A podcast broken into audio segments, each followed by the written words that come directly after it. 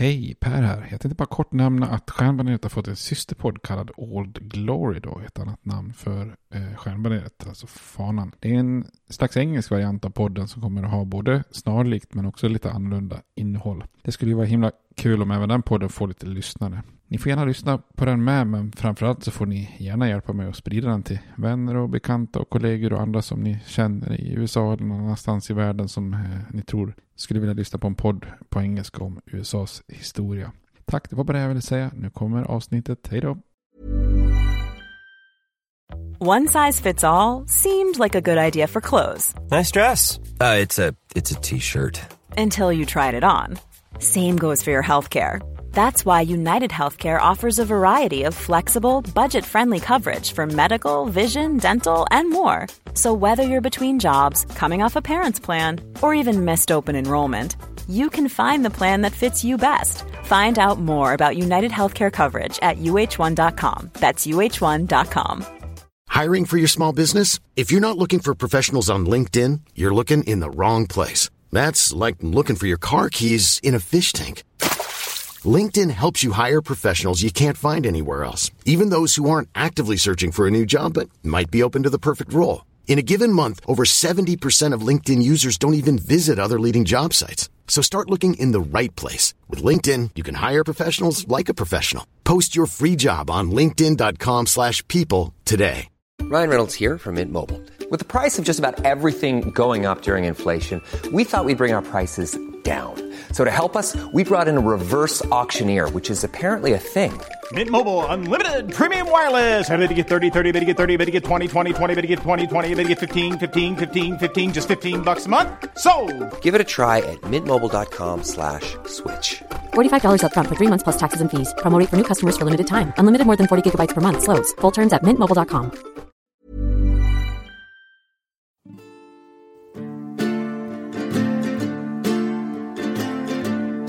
We hold these truths to be self-evident, that all men are created equal, that they are endowed by their Creator with certain unalienable rights, that among these are life, liberty, and the pursuit of happiness.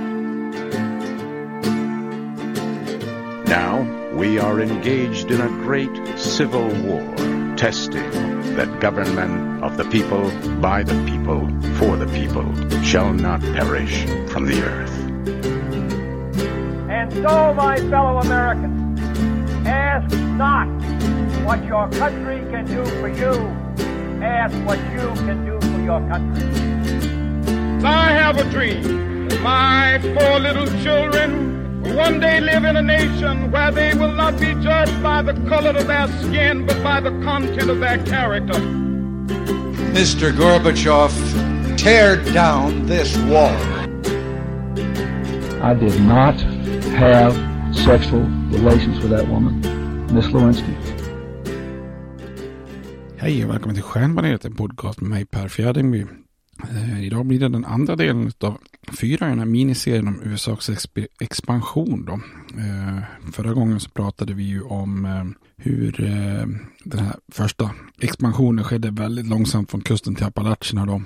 Och sen hur otroligt bra och överraskande freden blev för USA under, efter frihetskriget. Då, då USA erhöll området väster om Appalacherna fram till Mississippifloden. Då, det som skulle kallas för Transappalacherna.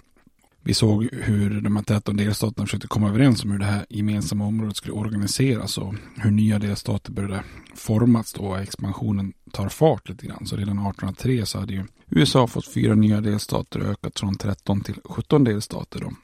Idag ska vi se hur expansionen går vidare då och framförallt hur USA kommer över det här så kallade Louisiana-området eh, som ju bildar en stor kilformad bit utav den centrala kontinenten då. En väldigt stor del av USAs själva mitt, eh, dagens mitt då på kontinenten.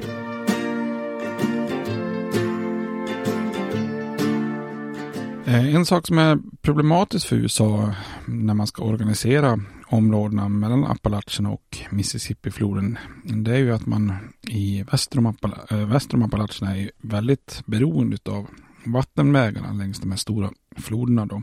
Dels givetvis Mississippifloden söderut för att ta sig ut till havet eh, där New Orleans ligger då.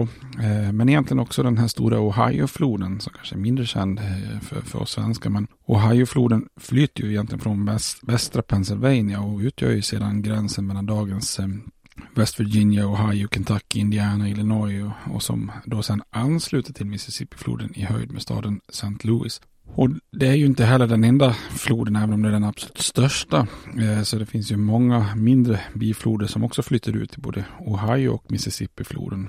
Eh, och de här delstaterna som organiseras eh, väster om Appalacherna är ju väldigt beroende av de här vattenvägarna. Varor som produceras i de här delstaterna eh, har ju då en, väg ut till havet om de fraktas på Ohio och Mississippi-floden. Då. Eh, så i, i, i, i princip kan man säga att stort sett hela USA väster om Appalacherna innan järnvägens inträde är helt beroende av de här vattenvägarna. Och, och då blir ju själva utloppet av hela systemet då, eh, alltså Mississippi-flodens utlopp i havet är ju liksom vägen ut för hela det här vattensystemet där New Orleans ligger. Och då är ju problemet för USA att New Orleans kontrolleras av Spanien då. Och det här blir ju ett enormt bekymmer för amerikanerna. Eh, de är ju helt i händerna på Spaniens goda vilja då. Och den är inte alltid så, så god.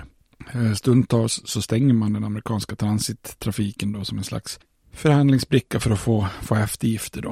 Eh, ett steg i rätt riktning är ju den så kallade eh, fördraget vid San Lorenzo då, framhandlat av Thomas Pinckney då, eh, och USA ofta kallat eh, för Pinckneys Treaty. Ehm, och det var ju ett avtal 1795 då, mellan Spanien och USA som, som gällde gränsen mot Florida, men mer om det senare då. Den kanske viktigaste delen i avtalet var ju att Spanien garanterades garanterade rättigheter för amerikaner att använda Mississippi-floden och frakta ut varor vid New Orleans. Då. Men säg den lycka som är, som är, som är lång då. Det, det här varar inte många år. För 17, 1798 så stängde den spanska guvernören i New Orleans eh, ner då staden för USA. Då. Och det här gjorde ju då att många amerikaner blev skogstokiga på krigsstigen. Då. 1801 så öppnas staden upp igen då. Men från det området så var ju området heller inte spanskt utan utan franskt då helt enkelt.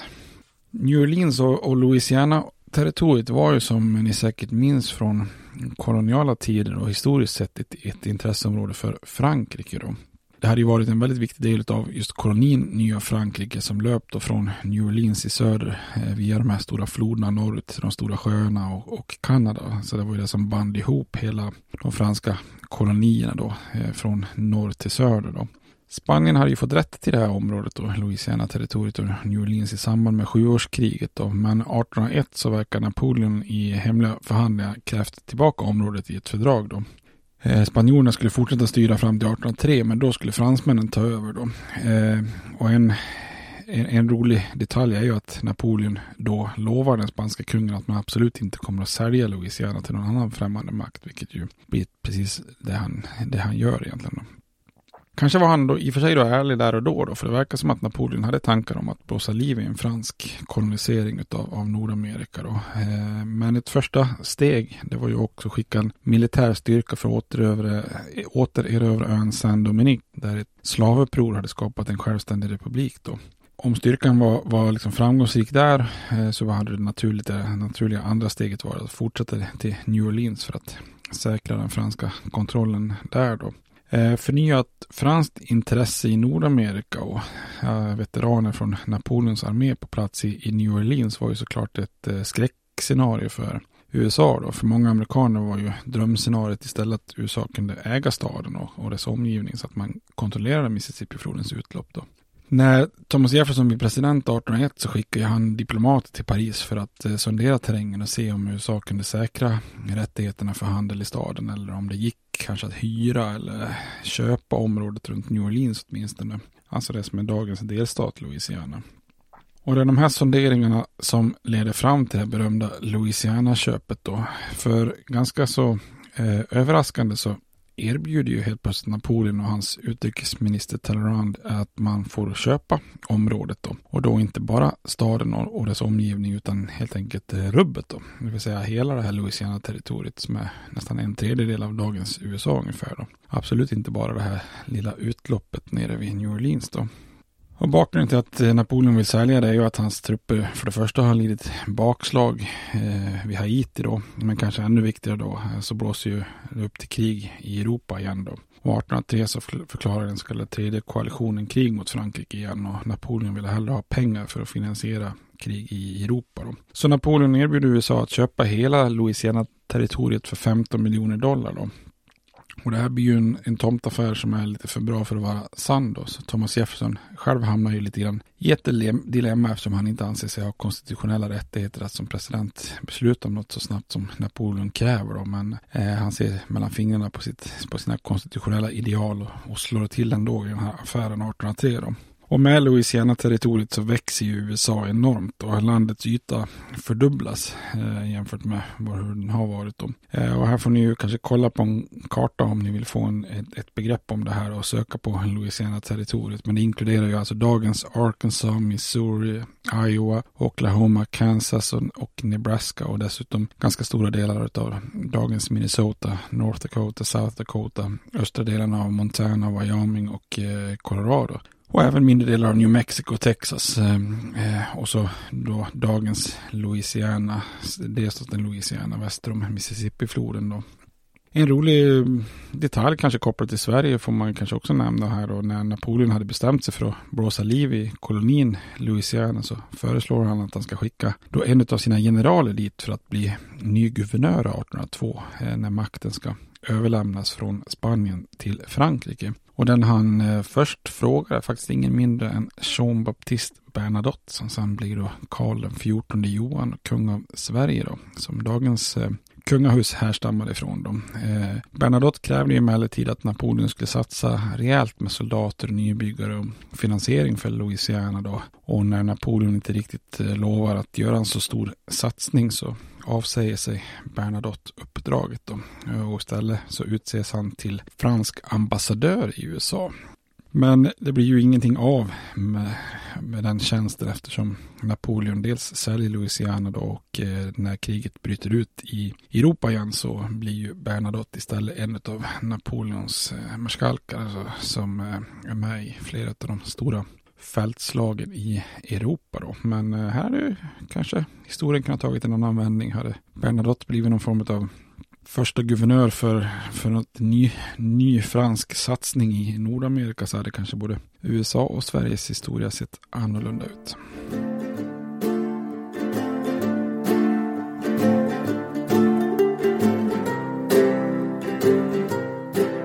Så då har ju eh, USA kommit över det stora Louisiana-territoriet och eftersom New Orleans då med sin redan franska kreolbefolkning och en hel del spanska invånare redan är en ganska sjudande stad och eh, området redan har en betydande numerär och organisation så, så, så, går ju organisationen, organiseringen av den här södra spetsen av territoriet väldigt snabbt. Då.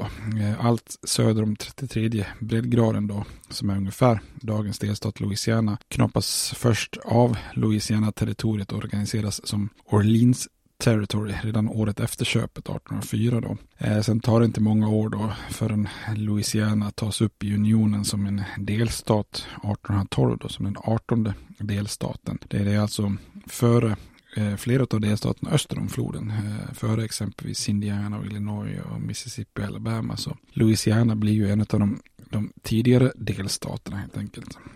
Louisiana-köpet genererar ju också ett intresse för den här mittersta och västra delen av kontinenten. Och krasst sett så, så har ju Jefferson och USA ingen aning om exakt vad det är för fastighet man har införskaffat. Då. Och det här leder ju bland annat till att Jefferson tar initiativ till den här berömda så kallade Louis och Clark-expeditionen som äger rum i drygt två år mellan 1804 och 1806. Då. Och det är ju ett riktigt äventyr där man tar sig norrut och västerut i jakten på källan för Missourifloden, alltså den längsta bifloden som flyter ut i Mississippifloden och till slut tar man sig hela vägen över Klippiga bergen och eh, når västkusten och då är man alltså på områden som inte ens tillhör USA då. Men eh, det får vi ta någon annan gång. Det kan få bli ett eget avsnitt. Det finns ju också andra expeditioner som skedde parallellt som inte har blivit riktigt lika kända då. Eh, bland annat är det ju han Sebulon Pike som jag pratade om i, i serien om, om västern eh, som gör en, en, en expedition för att se, försöka hitta Mississippiflodens eh, norra källare så att säga eh, 1805 där han kommer väldigt långt eh, och utforskar stora områden i, till exempel i dagens Minnesota. Då. Men han gör ju också en enorm expedition 1806 i, i västerut, sydväst. Eh, och, och eh, brukar kallas för Santa Fe-expeditionen då. Eh, där han ju borde ta sig igenom stora delar av Louisiana-territoriet men också kommer in på, på, på spansk mark och, och bland annat ar arresteras då. Men i och med att han senare blir lite förknippad med den här så kallade Burr-konspirationen så, så kanske Louisa Clark har, har gått till historien som den mer kända utforskandet utav det här Louisiana-territoriet.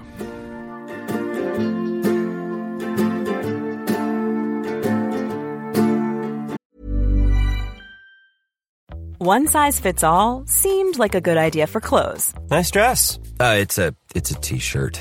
Until you tried it on. Same goes for your healthcare.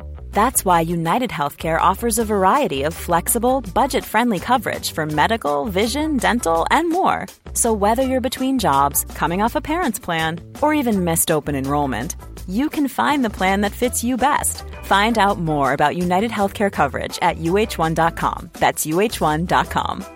Hiring for your small business? If you're not looking for professionals on LinkedIn, you're looking in the wrong place. That's like looking for your car keys in a fish tank. LinkedIn helps you hire professionals you can't find anywhere else, even those who aren't actively searching for a new job but might be open to the perfect role. In a given month, over 70% of LinkedIn users don't even visit other leading job sites. So start looking in the right place. With LinkedIn, you can hire professionals like a professional. Post your free job on linkedin.com slash people today.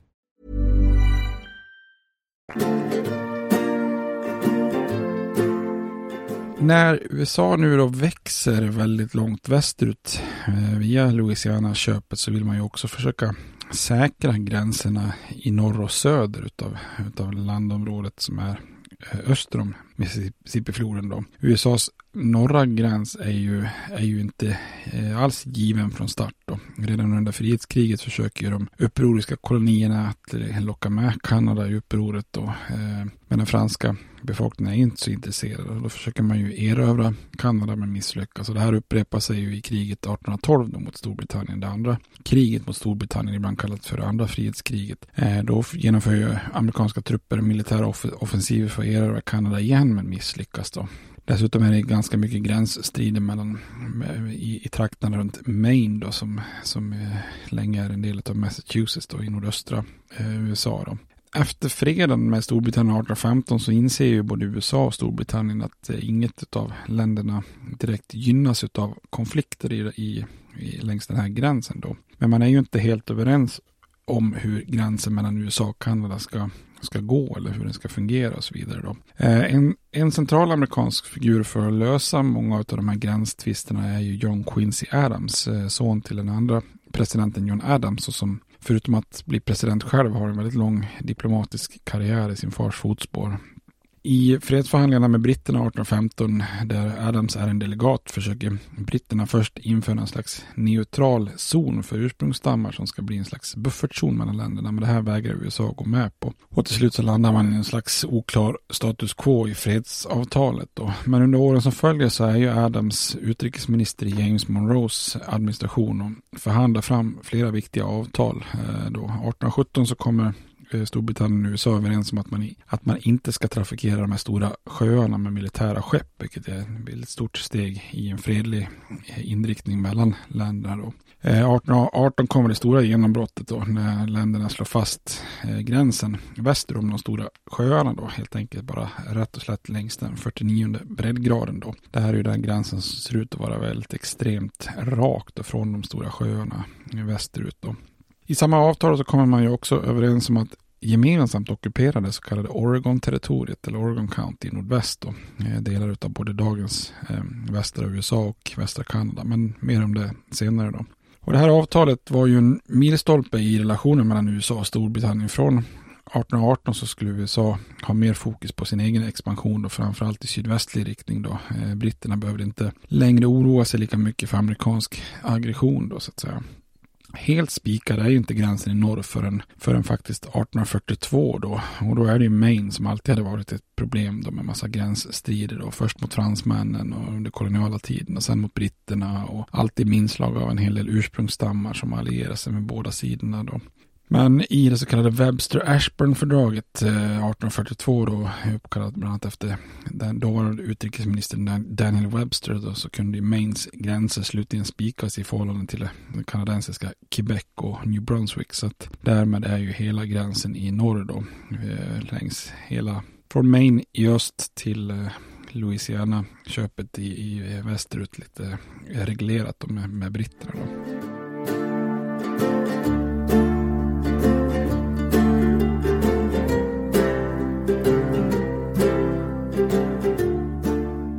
Efter att ha köpt Louisiana från Frankrike kan man ju säga att USA på många sätt utnyttjar den här spanska eh, svagheten för att ta, sig, ta för sig av landområden i, i söder. Då. Eh, spanska Florida är ju vid den här tiden uppdelad i västra och östra Florida. Östra Florida är ju halvön då som idag eh, tillhör delstaten Florida. Eh, och det västra, den spanska västra Florida var ju egentligen resten av Gulfkustområdet fram till i princip då staden New Orleans och Mississippi-flodens utlopp då.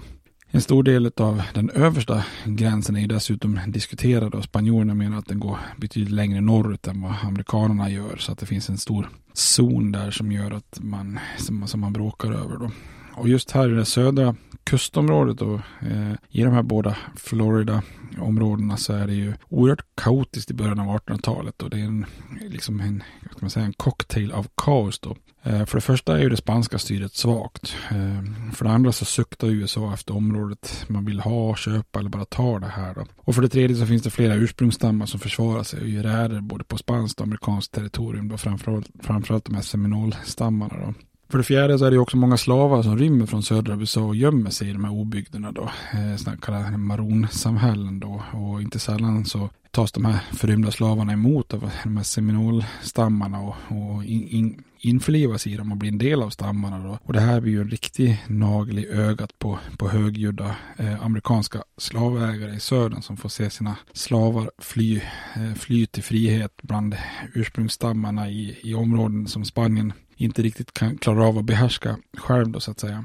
Och för det femte så hade ju då Georgia innan avträdelsen av territorium som, som angränsar Florida, alltså dagens Alabama och Mississippi, sålt en massa mark som låg på spanskt territorium eh, eller som andra eh, hade köpt från ter territoriella styret. Så här väldigt mycket kaos kring egendomsrättigheter som ledde till en massa så rättsfall i de så kallade Yazoo-landköpen då, som är ett känt fall som hamnar i högsta domstolen då. Och för det sjätte så hade ju inte heller amerikanska myndigheter någon kontroll över eller kanske eh, och, och, ville heller inte stoppa så kallade filibusters, alltså privata arméer som anfaller och försöker ta kontroll av, av internationella områden då. Alltså privata erövringar som sen då backas upp av USA formellt då. Eh, och de här filibusters-arméerna eh, och, och, initiativen är ganska många här i, i spanska Florida. Och summan av hela den här kotska cocktailen eh, gör ju att det är ett ganska instabilt område. Och på många sätt så tar egentligen bara USA för sig av de här Florida-territorierna då. Det börjar, börjar med att sådana filibusters då, privata eh, arméer etablerar trots spanskt motstånd en kortlivad eh, liten republik kallad Republic of West Florida som, eh, som sen då eh, tas upp av USA och blir den östra delen av delstaten Louisiana när den organiseras 1812 då. Alltså om man tittar på en karta så är det en liten land, landsträcka som Louisiana har på den östra sidan av eh, Mississippi-flodens utlopp då. Eh, amerikanska arméer som då formellt jagar förrymda slavar korsar också in på spanskt territorium både i västra och östra Florida flera gånger. Då. Eh, pågår de så, kallade Seminolkrigen då, eller Floridakrigen, eh, som är en slags lågmäld krigföring som pågår mellan 1816 och 1858, alltså ganska många år då.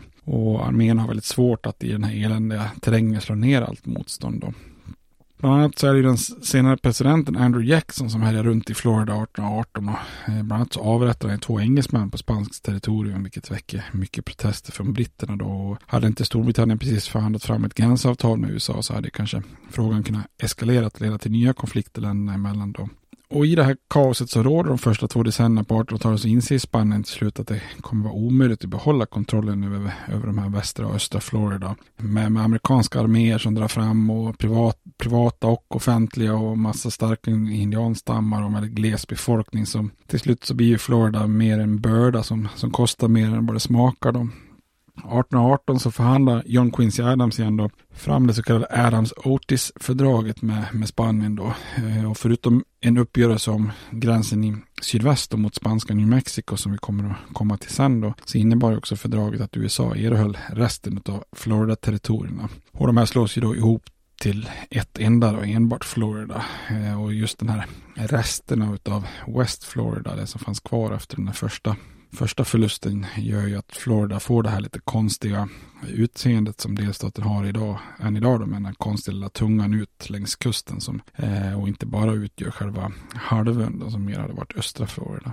Och därmed har ju USA öster om Mississippifloden fått sina givna gränser. Florida upptas i unionen som en delstat eh, först 1845 då. Det är ju länge ett ganska varmt träskområde där väldigt få vill slå sig ner då. En riktig bakgård. Men genom erövringen av eh, spanska Florida eh, och eh, att man har reglerat gränsen mot Kanada så då har ju helt enkelt USA fått sina, sitt nuvarande utseende öster om Mississippifloden. Då.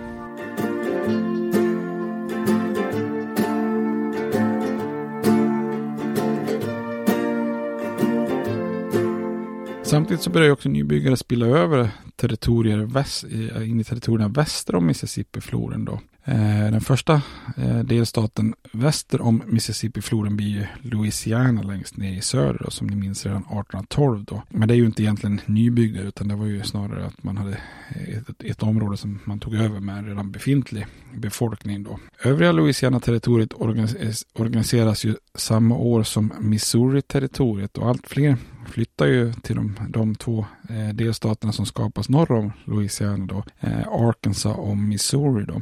Bara några år senare så ansöker den som är dagens Missouri om att upptas i unionen som en delstat samtidigt som Arkansas organiseras som ett territorium då. Men när Missouri ska upptas eh, i, i unionen eller när man diskuterar det här i kongressen så föreslår James Talmadge, en, en kongressledamot eh, från New York, att slaveriet ska begränsas. Ehm, Alltså han, han föreslår inte egentligen en direkt avskaffande, eh, för slavar fanns ju redan på plats då. Men enligt hans förslag skulle inte fler slavar få föras dit och att alla som föddes in i slaveriet efter att Missouri upptogs i unionen skulle friges vid 25 års ålder då, så en slags gradvis avskaffande av slaveriet då. På ett sätt så trodde ju han och eh, andra i norr att slaverifrågan skulle vara mindre känsligt i Missouri eftersom det låg eh, relativt långt norrut och att bomull och tobak inte lämpade sig så särskilt väl att producera där då slavarna användes mest inom jordbruk och främst inom odlingen av hampa som bland annat används för att tillverka rep. Då. Men det här förslaget gör att det tar hus i helvete i kongressen och slavägarna kräver sin rätt att få ha och föra slavar till Missouri. Då. Eh, tidigare hade många i södern beskrivit slaveriet som något, något nödvändigt ont, då, men för första gången på ganska bred front så börjar man försvara slaveriet under debatterna som någonting positivt bra. Då. Och det som uppstår i, i den här konflikten är det som blir den berömda så kallade Missouri Missouri-kompromissen då, eller Missouri-krisen 1820 då, som leder till en kompromiss där. Där spänningarna blir hetska och där kongressledamöterna ledamöterna bokstavligt talat slåss på kongressens golv då.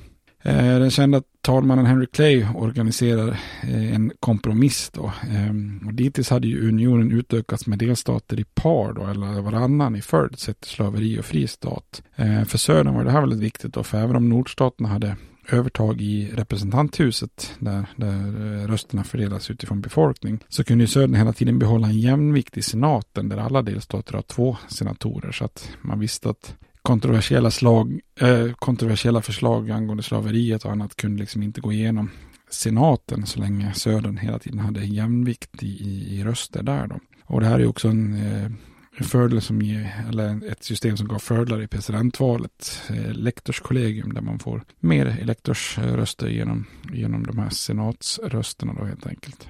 Det som händer i den här kompromissen då är ju att även Maine har ansökt om att tas upp i unionen. Och det här är ju en sån kallades en alternativ process då där man knoppar av en befintlig delstat. Eh, den här gången då med moderstatens godkännande då. För Maine hade ju alltid varit en del av Massachusetts sedan koloniala dagar, dagar då. Och alltid utgjort liksom de norra countyna eh, åtskilda då med New Hampshire emellan då. Men nu ansöker de här countyna om att, att upptas i unionen som en egen delstat, delstaten Maine då. Så den kompromiss som Henry Clay mejslar fram då innebär ju att Missouri kan eh, upptas i unionen som en slavstat samtidigt som Maine blir en, en fri stat då och därmed så behölls ju den här balansen mellan fria och slavstater. Då. Samtidigt så slog man också fast en linje västerut från den 36 breddgraden genom hela det här Louisiana-köpet. Och där slår man fast att allt område norr om den här linjen ska vara fritt medan området söderut ska vara, söder om linjen ska vara öppet för slaveriet. Då. Och linjen är ju en fortsättning av Missouris södra gräns. Det innebär att Missouris norra delar ligger långt no mer norrut än, än många tidigare fria delstater öster om Mississippifloden. Så Missouri blir liksom som en tagg norrut, den liksom norra utposten för slaveriet så långt det kan komma då. Eh, och det kan man ju se som en seger för södern, men samtidigt fanns ju bara Arkansas-territoriet söder om linjen eh, och så, som kunde potentiellt bli en slavstat. Slavstat medan då eh, området norr om den här linjen skulle kunna skapa ett antal nya stater då, som i så fall skulle bli fria. Så det är ju lite att ge och ta utav båda parterna i den här Missouri-kompromissen. Eh, men man ser hur, hur, hur organiseringen av delstater börjar bli känsligt utifrån slaverifrågan som vi kommer att komma till mer framöver då så att säga. Därmed hade ju USAs nybyggare så sakta börjat etablera sig även väster om Mississippifloden. Och tittar man på en karta så ser man ju att stora delar av dagens USA ligger, ligger faktiskt väster om de här delstaterna. Då. Eh, så vid den här tiden på 1800-talets första halva så var ju inte ens de västra delarna någonting som tillhör USA. Eh, I väst fanns ju Eh, Mexiko i stora delar av sydvästra USA upp längs västkusten i form av Kalifornien. Eh, Ryssland kontrollerar ju Alaska en bra bit ner på, på västkusten då. Eh, och området däremellan, eh, Oregon County, hade ju USA delad vårdnad med Storbritannien som vi kommer att komma till prata om i nästa avsnitt. Då. Så vid den här tiden så har ju inte USA egentligen någon kontroll på, eh, eller har inte riktigt etablerat sig på västkusten. Men hoppar vi fram till 1848 så tillhör helt plötsligt väldigt stora delar av de här landområdena i väst eh, USA. Då. Och hur eh, det gick till ska vi titta på i nästa avsnitt när vi ska prata om Oregon-kompromissen och kriget mot Mexiko. Då. Men mer om det i nästa avsnitt. Tills dess får ni det bra. Hej då! States like these and their terrorist allies constitute an axis of evil. And if the hippies and the yippies and the disruptors of the systems that Washington and Lincoln as presidents brought forth in this country will shut up and work within our free system of government, I will lower my voice. If the impeachment provision in the Constitution of the United States will not reach the offenses charged here, then perhaps that 18th century Constitution should be abandoned to a 20th century paper shredder. Therefore, I shall resign the presidency effective at noon tomorrow.